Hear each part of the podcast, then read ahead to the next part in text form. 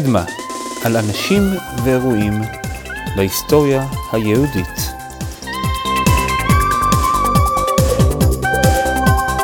פרק 25, דון יצחק אברבנאל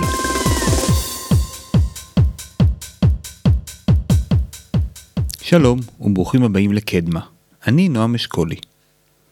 יש תקופות היסטוריות מרשימות. תקופות של שינויים ומהפכות, המצאות וגילויים, והכל בתקופה קצרה. אני משוכנע שההיסטוריונים בעתיד יסתכלו על התקופה שלנו ככזאת. יש גם דמויות היסטוריות מרשימות, אנשים ששילבו אה, תחומים רמים והצטיינו בהם. אנשים שהשפיעו על תקופתם והשאירו חותם משמעותי גם לדורות הבאים. דון יצחק אברבנאל היה דמות כזאת, והוא חי בתקופה כזאת. כאלו היו הימים של סוף המאה ה-15, המעבר בין ימי הביניים לעת החדשה. שינויים חברתיים, תרבותיים, כלכליים, טכנולוגיים. המשטר הפאודלי יורד, וצורות חדשות של משטר מופיעות. אה, הדפוס בא לעולם. אבק השרפה החל להיות נפוץ. אה, גם ליהודים זאת הייתה תקופה של שינוי דרמטי, ולאו דווקא לטובה. גירוש ספרד שינה סדרי חיים. מרכזים יהודים נסגרו, וחדשים עלו במקומות אחרים. ואחת הדמויות היהודיות המשמעותיות ביותר בתקופה הזאת הוא הגיבור שלנו היום.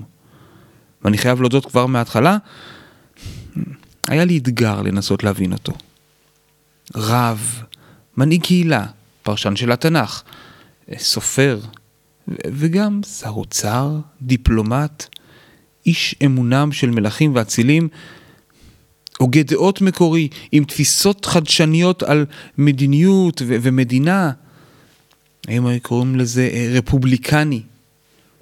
מצד שני הוא היה, איך נקרא לזה, קצת מיסטיקן, אולי חוזה עתידות, בן בית בתרבות הרנסאנס שהחלה להתפתח, אבל יהודי נאמן לעמו ותורתו ללא פשרות. והכל בתקופה סוערת בתולדות עמנו. מוכנים? אז בואו נתחיל.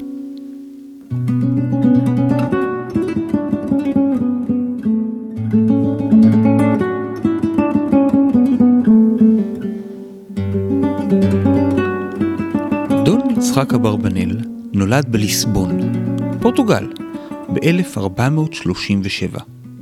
משפחה ספרדית מיוחסת מקסטיליה. איך אומרים? אברבנל או אברבנל?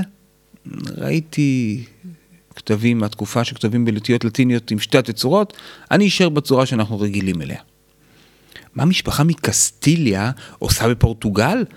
המשפחה הזאת ראתה עצמה כמשפחה מיוחסת עם שושלת עד דוד המלך. בפירוש שלו על, ספר, על ספרת רעשר הוא כותב בפירוש. וגם בספרד, בחורבן בית ראשון, כתב הרב יצחק בן גיאת, שבאו שתי משפחות מבית דוד. האחת, משפחת בני דאוד, ומשפחת בני אברבניאל, ככה כתוב שם, שנתיישב בסיביליה, וממנה אלפי הדל.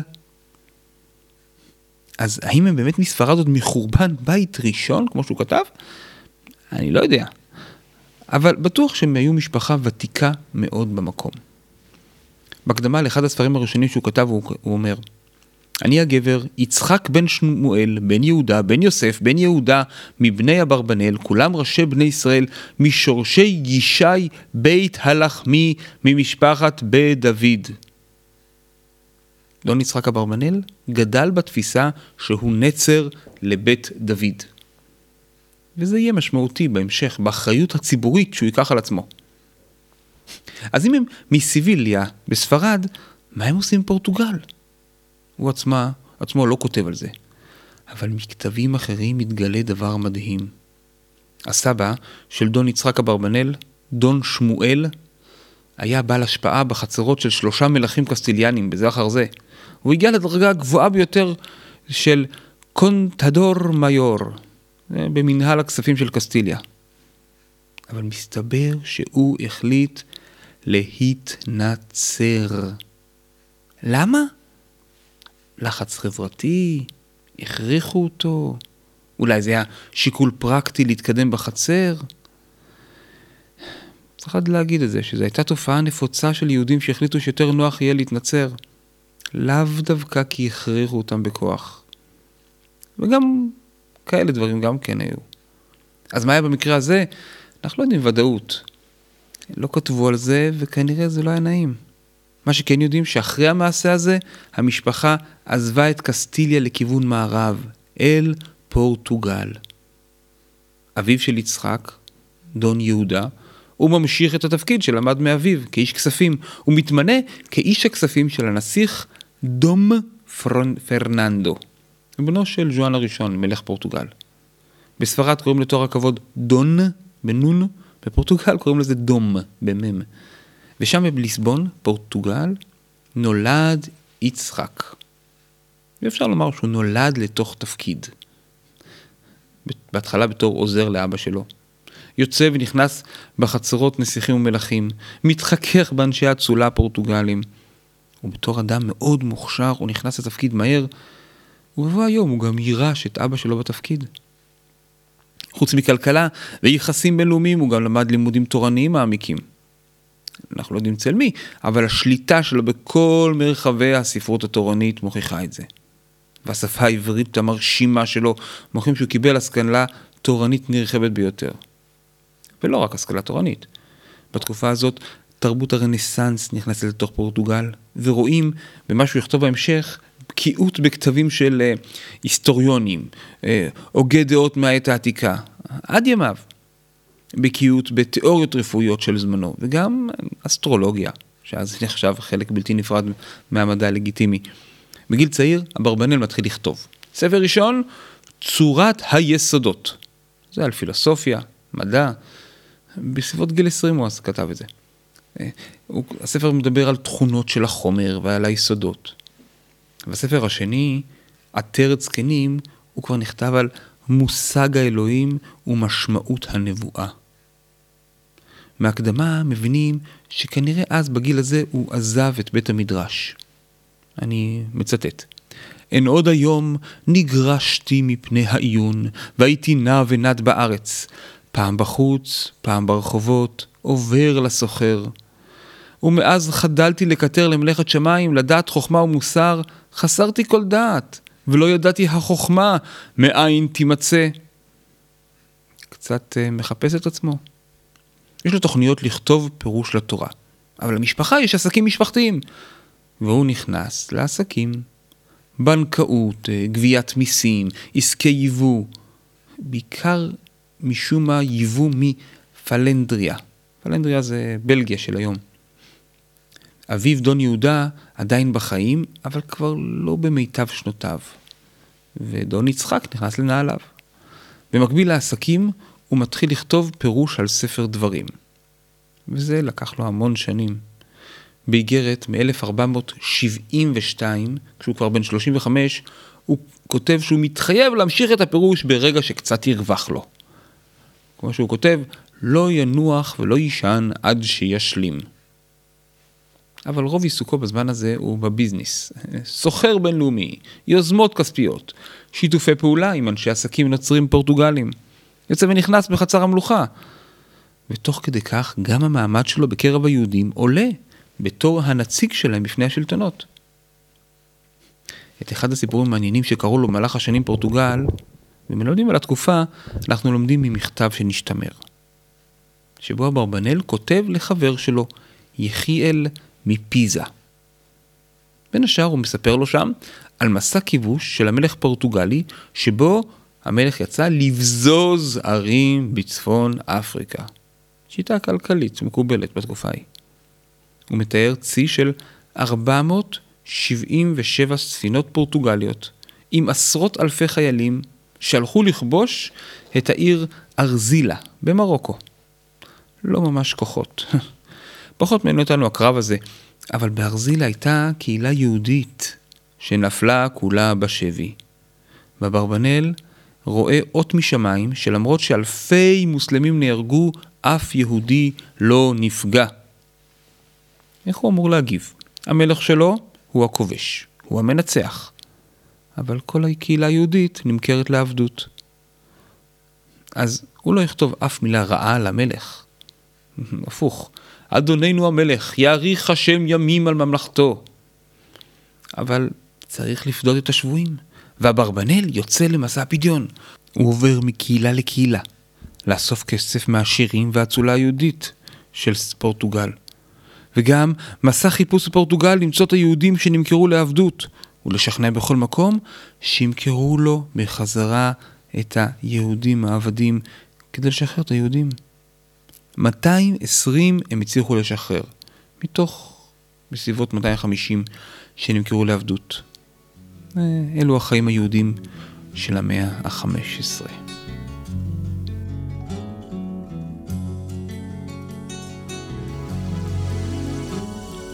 הקשר הטוב ביותר של אברבנאל היה עם משפחת הדוכסות של ברגנצה. משפחת אצולה עשירה מאוד, ואברבנאל נהיה היועץ הקרוב ביותר של בנו של הדוכס, פרדיננד. ודרכם הוא גם הגיע להיות יועץ המלך, אלפונסו החמישי. פורטוגל הייתה מלאה פוליטיקה מקומית, עם מאבקים בין המלך למשפחות האצולה. כשאז היה כוח מאוד גדול דווקא לאצילים. המלך לא ממש יכל לעשות צעדים משמעותיים בלי הסכמתם. זה כלכלה פאודלית, כשהם שולטים על המיסים והתקציבים. ואברבנאל היה מסומן בתור המקורב לאחת המשפחות. מצב היהודים היה יחסית טוב, אבל בשנת 1481 פורצת מגיפת דבר שמשתוללת ברחבי פורטוגל, ובין הנספים היה המלך אלפונסו בעצמו. ופורטוגל נכנסת לסחרחורת פוליטית.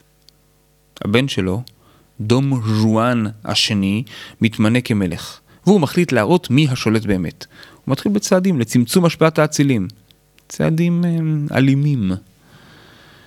מגפת הדבר הזאת שקטלה את אלפונסו, המלך, המשיכה להשתולל בפורטוגל, ובמיוחד בערים הגדולות. ואברבנאל עבר לשלוש שנים לגור עם משפחתו מחוץ לעיר. אחרי שלוש שנים האלה, כשהוא חוזר, הוא מגלה שהמצב הפוליטי, וגם כל היחס ליהודים, הכל השתנה לרעה בצורה קיצונית. באיגרת לידידו רבי יחיאל מפיזה, הוא כותב ב-1482 מיום שנהרסה עירנו, חרב מקדשנו וגלה עמנו, לא ידענו לא שלום ולא מנוחה. האומות שבתוכן אנו יושבים אינם פוסקות מלחרוש עלינו רעה, ולחשב דרכים להתנפל עלינו להרע לנו. ואם עד ארגיע נדש שלו, חיש מהר יבטונו בשורות אימים, שבאות מכל פינות הארץ, על רדיפות אכזריות נגד שארית ישראל. אני מדלג קצת במכתב, ובסוף הוא כותב, אל תבכו לנספים מישראל, ואל תספדו להם, בכו להולכי מדחי אל דחי, ולאשר סגר אלוהים באדם בכל דרך ישועה, כי גלה כבוד מישראל. הוא מזהה שהיחס הלא ידידותי שהוא התחיל לחוות, לא היה התנגדות אישית או פוליטית דווקא כנגדו, אלא סימנים של מה שהיינו קוראים לו אנטישמיות. אבל בסופו של דבר הייתה פה גם רדיפה אישית נגדו. משפחת ברגנסה, הפטרונים של אברבנאל, הם החזיקו שליש מאדמות פורטוגל, וזה הפך אותם, כשהתחלף השלטון, ליעד לחיסול. מבחינת המלך החדש, רצה לצמצם את כוח האצילים. אז המלך ז'ואן תופס את הדוכס של ברגנסה, ובתירוץ של בגידה, בסופו של דבר מוציא אותו להורג. וגם אברבנל על הכוונת. ולמרות שהוא לא היה אציל פורטוגלי, המלך חשד בו שהוא פועל בחצר הממלכה כסוכן של הדוכס. אברבנל היה בזה נשיאת עסקים, והגיעה אליו הודעה רשמית שהמלך קורא לו לפגישה. בערב, בפונדק, בדרך לארמון המלך, ניגש אליו מישהו ומזהיר אותו שזה לא הולכת להיות פגישה ידידותית, והמלך מתכנן להרוג אותו. באותו רגע אברבנאל מחליט החלטה שתציל את חייו, וגם תשנה אותם. הוא מחליט מיידית לברוח מפורטוגל. אין לו זמן לעבור דרך הבית שלו. אולי חיילי המלך מחכים לו שם. מצאו את פסק הדין המקורי מ-1485 שניתן אחרי הבריחה, שבו השופט כותב שבגלל הקשר בין אברבנאל לבית ברגנסה, ובגלל שהוא ברח מפורטוגל הוא מסרב לחזור, והוא כנראה חלק מקשר בגידה. ולכן, אני מצטט, אנו מצווים שהאיש המכונה יצחק אברבנאל ימות מוות אכזרי וטבעי, מה שזה לא יהיה, ושכל הנכסים שלו יוחרמו. אז הוא יוצא בלי כלום.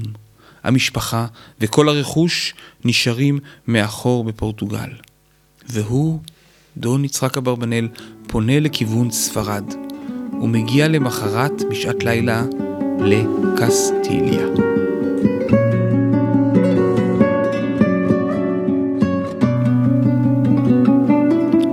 לבד, בלי המשפחה, בלי הרכוש, הוא מגיע לקסטיליה. איכשהו הוא שולח מסר למשפחה איפה הוא נמצא והם מצליחים להגיע בעקבותיו. אנחנו לא יודעים הרבה על המשפחה שלו. היו לו שלושה בנים, שתי בנות. הבן הגדול יהודה סיים את לימודי הרפואה פורטוגל בזמן הבריחה של אביו. אברבנאל כנראה מגיע כדמות מוכרת, ותלמידים נאספים סביבו, ובין השאר הם לומדים תנ"ך. וברבנאל מתחיל, מחליט להוציא לאור פירוש על ספרי נביאים ראשונים. הוא מדבר על זה שיכול להיות שהוא נענש בצרות בגלות בגלל שהוא הזניח את התוכנית שלו להוציא ספרים. בהזדמנות אני ממליץ לקרוא את ההקדמה לפירוש של ספרי יהושע ושופטים. הוא מתאר את ההיסטוריה שלו בפורטוגל וכל הסיפור הבריחה. בין השאר הוא כותב שאחרי שהוא מחפש מה פשעי ומה חטאתי כי דלקת אחריי, הוא מבין שהסיבה שהוא זנח את עבודת הקודש והיה עסוק מדי בדברים אחרים. ותבחר לשון ערומים מעם לא עז, ותעזה בדברי שקר עם מלכים ויוצאי ארץ, ותלך אחר האבל, הגדולה והגבורה. ואז החזרה בתשובה שלו היא החזרה ללמוד ולכתוב. קצב הכתיבה הוא מדהים. תוך שבועיים פירוש על כל ספר יהושע. ארבעה חודשים אחרי זה יש כבר פירושים על, גם על שופטים וספר שמואל והתחלה של ספר מלכים. וזה לא פירוש קצר, כל פסוק שהוא בוחר לפרש זה מאמר. סך הכל בסביבות 400 אלף מילים. זה ארבעה כרכים גדולים בארבעה חודשים. כל מי שניסה לכתוב איזה מאמר אקדמי מבין כמה זה מדהים. אברבנאל הוא פרשן התנ"ך הספרדי האחרון. טוב, זה לא חוכמה, אנחנו ערב גירוש ספרד. אבל הוא גם פרשן התנ"ך הימי ביניימי האחרון. הוא מסכם תקופה. הוא מתחיל תקופה חדשה בפירושי התנ"ך. השיטה שלו היא להתחיל עם סדרת שאלות, ואז תשובות שמכסות את הנושא מכל צד. והוא משלב את העיון הספרדי עם אה, אנליטיות של ניתוח. הוא משתמש בכללים ועקרונות. והגישה שלו כמובן מותאמת לתפיסת עולמו ולחינוך הרחב שהוא קיבל. הוא מתחיל בספרי הנביאים הראשונים, והוא רואה בהם ספרים היסטוריים מוסריים. הוא יודע להשוות לאירועים ולמלכים מתקופתו, ומתקופת העת העתיקה של יוון ורומא. הוא מרשה לעצמו לחלוק על הגישה בחז"ל על מי כתב את הספרים. לשיטתו, לא יהושע כתב את ספר יהושע, ולא שמואל את ספר שמואל, אלא המחברים היו מאוחרים בהרבה. והפירוש מכיל תחומי עניין שונים, כמו שאברבנאל בעצמו היה. פילוסופיה, היסטוריה, ספרות, פוליטיקה, פסיכולוגיה, גם אסטרולוגיה. הפירוש זה הזדמנות לשטוח את השקפת עולמו. וכשהוא קורא את הפסוקים שמדברים על העם שמבקש לעצמם מלך, הוא מכיר איך מלכים מתנהגים. הוא יודע מה זה פוליטיקה, ולכן להבנתו לא יכול להיות שבתורה יש מצווה למנות דווקא מלך. הוא יודע שהרמב"ם חושב שיש מצווה כזאת. הוא יודע שרוב הפרשנים וגם ההוגים הלא יהודים כתבו שהשלטון האידיאלי הוא שלטון יחיד של מלך. אבל ברבנאל, הוא חושב אחרת. אני מקריא. הנה ראוי שנדע אם המלך הוא דבר הכרחי ומחויב בעם חיוב עצמי, או אפשר בלתו. כבר חשבו הפילוסופים שהוא כן, ושיחס מלך לעם בקיבוץ המדיני, כמו יחס הלב בגוף, הבעל חיה שיש לו לב. זה מה שהם חושבים, כן? ואז אני מדלג. הנה תהיה באמת מחשבתם בחיוב המלך והכרחיותו, כה זה ות. ואז הוא מוכיח שהמלוכה היא לאו דווקא השיטה הטובה ביותר, הוא גם מסכם. ולמה לנו להביא על זה טענות שכליות? הנה הניסיון גובר על ההיקש. ומי כמו יודע איך מלכים מתנהגים. אז הוא לא נשאר ברק מה לא, אלא גם הוא, אם לא מלוכה, אז מה כן? הוא רואה רפובליקות שקמו והצליחו מאוד. ונציה, פירנצה, רומא בתקופות הטובות שלה. ולהבנתו, רפובליקה היא צורת המשטר הטובה ביותר לשלטון. והוא גם מראה איך זה מסתדר עם ציוויי התורה. כשהוא מדבר על דמות השופט והמלך, הוא מדגיש את השילוב שמנהיג לא יכול להסתפק בענייני מדינה וחברה, אלא הוא צריך להיות גם איש רוח. מנהיג שצריך לחבר את העם לבורא עולם. המודל שלו הוא כמובן דוד המלך.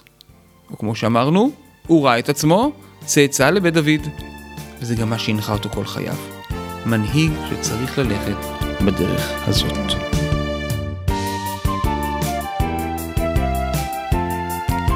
אבל החיים חזקים יותר. במדינה החדשה שלו, קסטיליה, שמעו שהגיע אדם מוכשר, עם ניסיון כלכלי ומדיני נרחב, והם היו צריכים עזרה. קסטיליה, בראשות המלך פרדיננד והמלכה איזבלה, הייתה מרוששת בעקבות מלחמות לא נגמרות. עם פורטוגל, ואחר כך עם גרנדה, שהייתה המעוז המוסלמי האחרון בכל ספרד. אברבנאל התחיל לעבוד על פירוש לספר מלכים, אבל אז הגיעה זמנה. אני מקריא. וברצותי להתחיל בפירוש ספר מלכים, נקראתי לבוא אל בית המלך. ובאת אל חצר המלך, והייתי קרוב אליהם ימים רבים. ויתן השם אותי לחן ביניהם, ובעיני השרים היושבים ראשונה במלכות, ונתעסקתי בעבודתם שמונה שנים. מפליט חסר כל, הוא מאוד מהר חוזר למעמד דומה למה שהוא היה בפורטוגל. עסקים, בנקאות, חכירת גביית מיסים. ב-1483 הוא הגיע לקסטיליה, אז יש לנו מסמכים עם הלוואות עצומות שהוא נתן ב-1488, חמש שנים אחרי זה, לבית המלוכה, בשביל המלחמה נגד גרנדה. אנחנו נחזור למלחמה הזאת עוד מעט. הוא יועץ למלכה בענייני כספים. הוא, הוא רואה חשבון של משפחות אצולה. יש לו קשר קרוב למשפחת מנדוסה, שהייתה במעמד מאוד גבוה בחצר המלוכה. משפחה שהתפרסמה גם במעמד הפוליטי, וגם סופרים, משוררים, היסטוריונים, פילוסופים, שמשפחת מנדוסה העמידה בספרד באותה תקופה. בהחלט שפה משותפת עם אברבנאל. אז מה עם התוכנית שלו לכתוב ספרים ופירושים? הוא קורא לזה, לתקופה הזאת, גונבתי יום, גונבתי לילה. הוא עסוק מדי. הוא מאוד מצליח כלכלית, אבל הפירושים ממתינים בצד. מה שכן, הוא הצליח לכתוב את המבוא הגדול שלו לפירוש על מורה נבוכים לרם, של הרמב"ם. לכאורה הכל טוב. אבל אני לא צריך לעשות לכם את הספוילר, נכון? השנה היא 1488, אז אתם יודעים מה קורה עוד ארבע שנים ב-1492. האם היו רמזים למה שהולך לקרות? האינקוויזיציה תופסת כוח חזק יותר. האינקוויזיציה, האינקוויזיציה לכאורה לא עובדת נגד יהודים, אלא בקרב הנוצרים. לוודא שאותם רבבות נוצרים חדשים, קריסטיאנו נובו, או קונברסו, וגם uh, מרנוס, זה הביטויים שהם קראו להם. אה, האינקוויזיציה בודקת שהם באמת נוצרים ולא נשארו יהודים בסתר. והאינקוויזטורים, בתרגום החוקרים, הם עברו בערים ובכפרים ועודדו אנשים להלשין על אחרים. זה היה בכל אירופה, עוד מהמאה ה-13, תחת אחריות האפיפיור. אבל בספרד האינקוויזיציה הוקמה על ידי המלך ב-1478. למה הוא עשה את זה? זה היה כלי מבחינתו לאחד את ספרד מבחינה דתית, קתולית. רוצה להתפטר מתחרות עסקית? פשוט, יש פתרון, תלשין לאינקוויזיציה, לא צריך הוכחות. מקנא בשכן שלך? היהודי לשעבר שמצליח כלכלית ואתה לא? הפתרון קל, יש אינקוויזיציה, היא תדאג להעלים אותו. אז בעיקרון זה לא נגד יהודים. אבל מספיק שיש איזה מוצא יהודי כלשהו אצל אחד הסבים כדי להפוך להיות חשוד. ובשלבים מסוימים הם פעלו ישירות גם נגד יהודים. דוגמה, ב-1490 בעיירה לגוארדיה, ליד uh, טולדו, תפסו יהודים באשמה שרצחו ילד נוצרי, כדי לעקור את ליבו ולעשות בו כישוף. לא היה להם גופה כזאת, או בכלל ילד שנעלם, אבל אה, אל תתפסו לפרטים שוליים. מי שעודד את כל האירוע היה ראש האינקוויזיציה, תומאס דה טורקמידה. וכל החקירה נוהלדה, נוהלה על ידי האינקוויזיטורים שלו. והתוצאה הטראגית הייתה שהעלו את היהודים המואשמים על המוקד. והיו עוד אירועים כאלה. היו גם תקנות לבוש חדשות נגד יהודים, והיה להם חובת סימון מיוחד על הבגד. במקרה הזה זה לאו דווקא היה מגן דוד צהוב. היה הגבלות על מסחר עם נוצרים. העבירו את היהודים לגור בשכונות משלהם, צפופות, בתנאי מחיה איומים. אל תקראו לזה גטו, זה, זה רק היה כדי שהם לא ישפיעו על הנוצרים החדשים. היה אסור על היהודים לשהות בערב מחוץ לשכונות היהודיות. היה מיסים כבדים מיוחדים רק על יהודים, כי הם צריכים לעזור במאמץ המלחמתי. היו איסורים על תפקידים ציבוריים. ולמרות האיסורים, כן היו יהודים בתפקידים בכירים. כמו למשל אה, אברהם סניור. הוא היה רב דה לה קורטה. הוא לא היה ממש רב, זה, זה היה תואר לממונה על היהודים. והוא גם התמנה בתור הגזבר של כל ממלכת אראגון. המלכים נעו בין רצון לרצות הכנסייה לבין אה, הצורך שלהם ביהודים שלהם. ב-1483 יוצא צו שמגרש את יהודי אנדלוסיה, דרום ספרד. תשע שנים לפני הגירוש הגדול. הם צריכים לחפש לעצמם מקום אחר לגור בתוך ספרד. אולי זו הייתה בדיקת התכנות לתוכנית הגירוש הגדולה? התירוץ היה שהם עזרו למוסלמים לכבוש את אנדלוסיה. 700 שנה קודם, כן? אז חייבים למנוע מהם לעזור שוב למוסלמים. הקהילות העתיקות של סיביליה, קורדובה ואחרות התרוקנו מיהודים. המקום האחרון שבו נשארו מוסלמים, מוסלמים, היה גרנדה. כבר יותר מ-700 שנה שהם גרו שם. והמלכים הנוצרים השקיעו מאמצים עצומים לכבוש את המקום. ובשני לינואר 1492 נכנעה גרנדה. מנהיגי היהודים קיוו שעם סיום המלחמה ההסתה הדתית דווקא תירגע. ואומנם, חודשים לאחר מכן לא התרחשו אירועים. זה היה, לא יודע, סוג של שלווה מוזרה. אבל זה היה שקט לפני הסערה. ולמרות כל הסימנים וכל הגזרות, כשבאמת צו הגירוש הגיע, זה נפל עליהם כרעם ביום בהיר.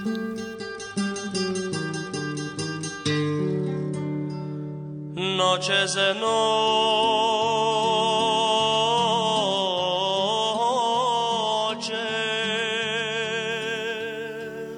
אז איפה היה אברבנאל בתקופה הזאת? הוא לא ראה את הסופה המתקרבת?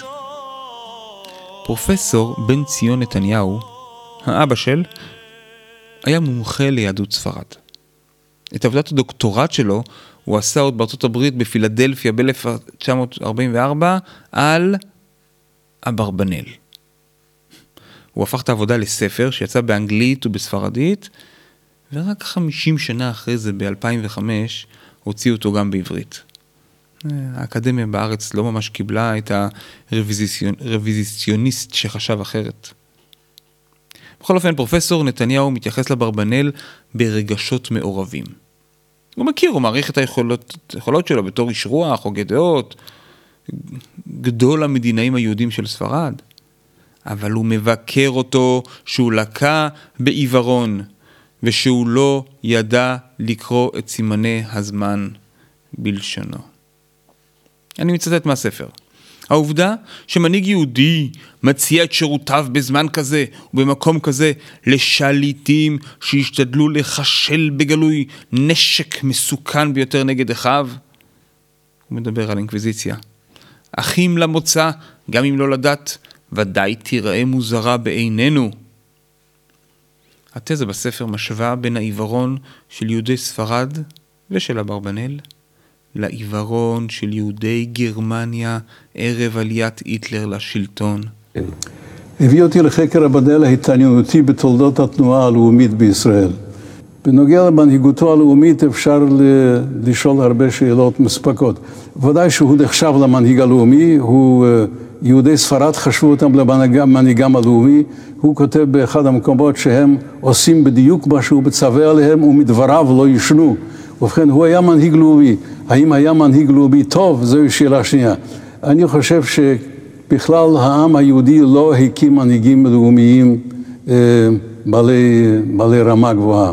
העם היהודי אה, הוא מבחינה פוליטית הוא כישלון היסטורי.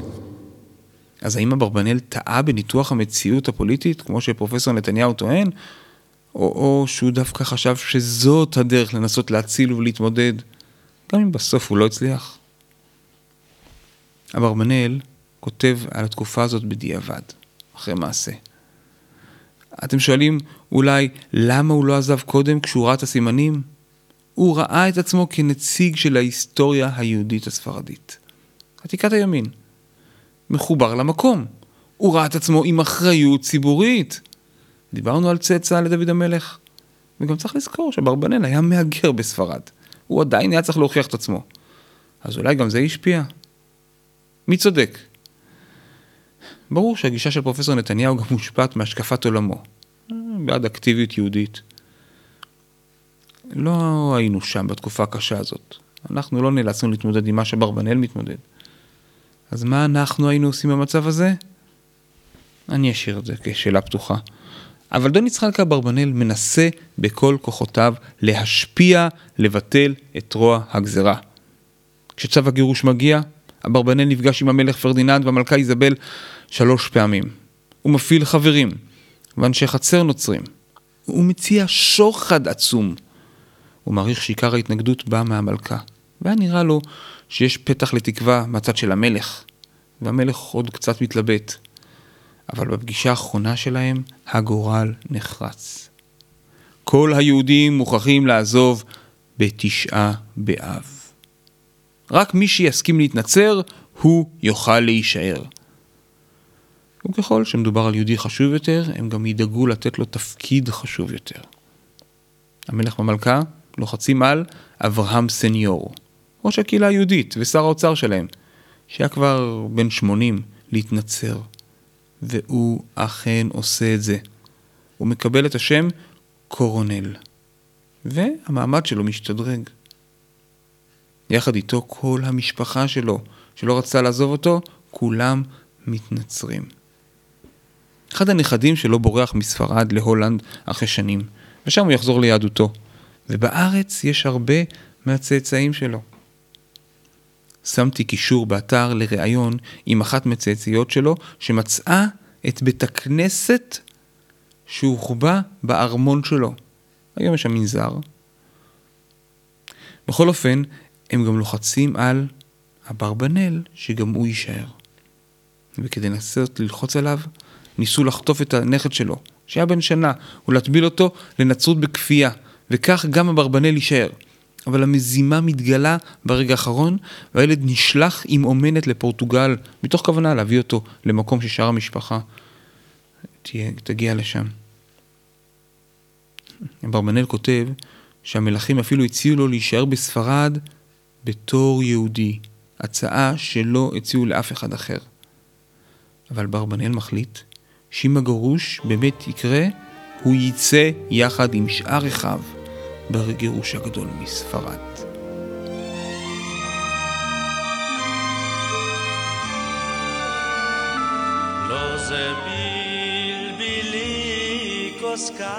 אלף שנה של התיישבות יהודית בספרד עומדים לבוא אל קיצם. לאן היהודים יכולים ללכת? מי מוכן לקבל אותם? ומה עשה אברבנאל? על כך נמשיך בחלק השני על דון יצחק אברבנאל, בפרק הבא של קדמה. ועד כאן להפעם. עוד פרטים, מקורות ואיורים תוכלו למצוא באתר הבית של הפודקאסט, קדמה.xyz, וגם יש גם דף בפייסבוק להערות והצעות, וקבוצה בטלגרם. אפשר למצוא אותנו בכל יישומון הסכתים, אפליקציית פודקאסטים, או בספוטיפיי. תודה שהאזנתם, מקווה שנהניתם. נשתמע בפרק הבא של קדמה.